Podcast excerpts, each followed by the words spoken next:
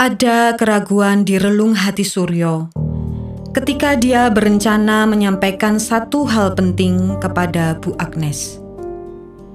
Namun, dia bingung kepada siapa lagi harus bercerita jika tidak kepada ibunya itu. Lagi pula, ibunya sebenarnya juga sudah tahu sejak lama bahwa Suryo menjalin hubungan spesial dengan Ken Ratri Rahastri, putri sematawayang pasangan Pak Ignatius Rudo Sempoko dan Bu Puspo Rinonce. Bahkan Bu Agnes juga sudah memahami bahwa putranya sangat serius dengan Ratri. Meski belum sekalipun bertemu dengan pujaan hati putranya itu bahkan keluarganya, namun tumbuh keyakinan yang dalam bahwa kelak jika berjodoh, mereka akan menjadi pasangan Katolik yang serasi dan membangun rumah tangga ideal berdasar pada iman Katolik.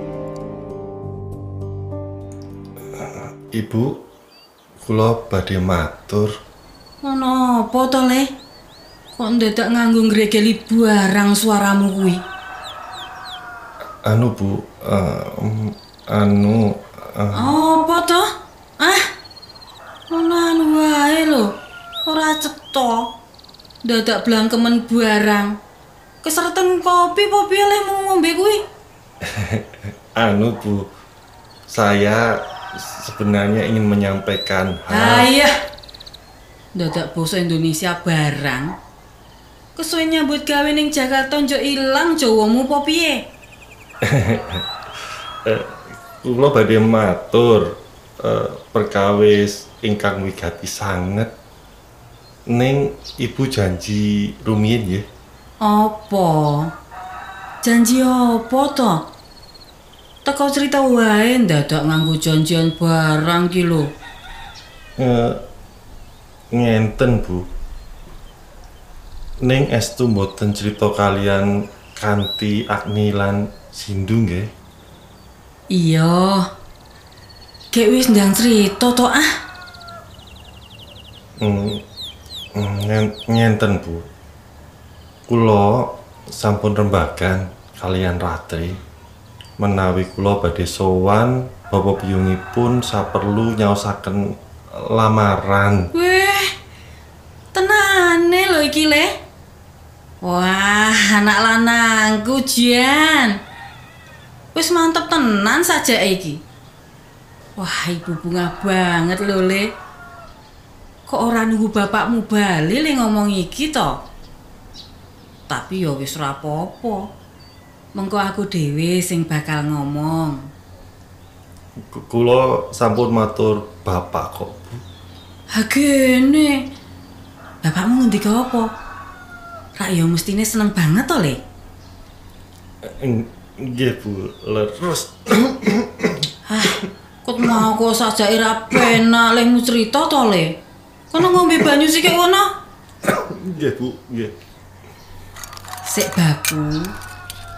Bapak ibumu mestine nyengkuyung. Ora usah repot mikirake ubur rampe lamaran sing kudu disiapake. Ora usah mikir agate piro. Bapak karo ibu duwe simpenan kanggo kuwi kabeh.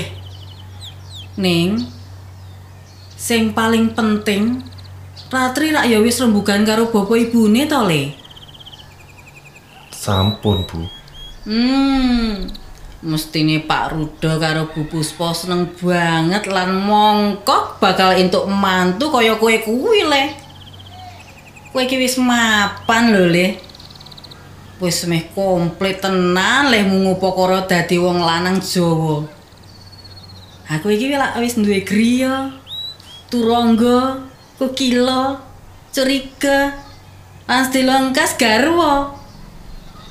Omahmu kan wis gede banget. Magrong jembar bawero. Ha mobilmu wae akeh. Pajero keluaran sing anyar. Kowe iki lak anakku prigel dhewe akeh keluwihane. Aku ya duwe genggeman sekti. Piandel sing kuat yaiku dadi wong Katolik. Sopo to sing bakalan nolak wong lanang kaya kowe? Heh? Ora ana. Inggih, Bu. Sik yakin lemu ngomong to lele. Tak sawang kawet mau kowe iki kok saja abut lehmu ngomong. Ana apa to? Mboten, Bu. Mboten wonten menapa-menapa, Bu. Tenane lho iki. Dadi wong katul iki aja gampang mangu-mangu le. Aja setengah-setengah yen wis duwe tekad. Nek setengah-setengah mlakumu yo bakal ora kepenak lho engko. Yen kowe yakin lan percaya kabeh mestine ya lancar. Yen ana pepalang ya aja semelang. Bapak, Ibu, lan kabeh adi-adimu ning burimu lho, Le. Sing utama tetep ndedonga. Wis, ngono sik wae. Mengko direbuk bareng ngenteni bapakmu teko.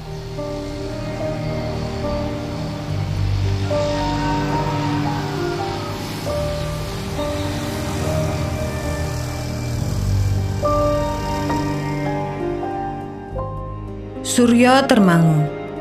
Segelas kopi pahit yang sedari tadi diminumnya sudah tandas, hanya tersisa ampasnya. Lumayan, jelaga hitamnya bisa sedikit menyembunyikan perasaan dia sebenarnya.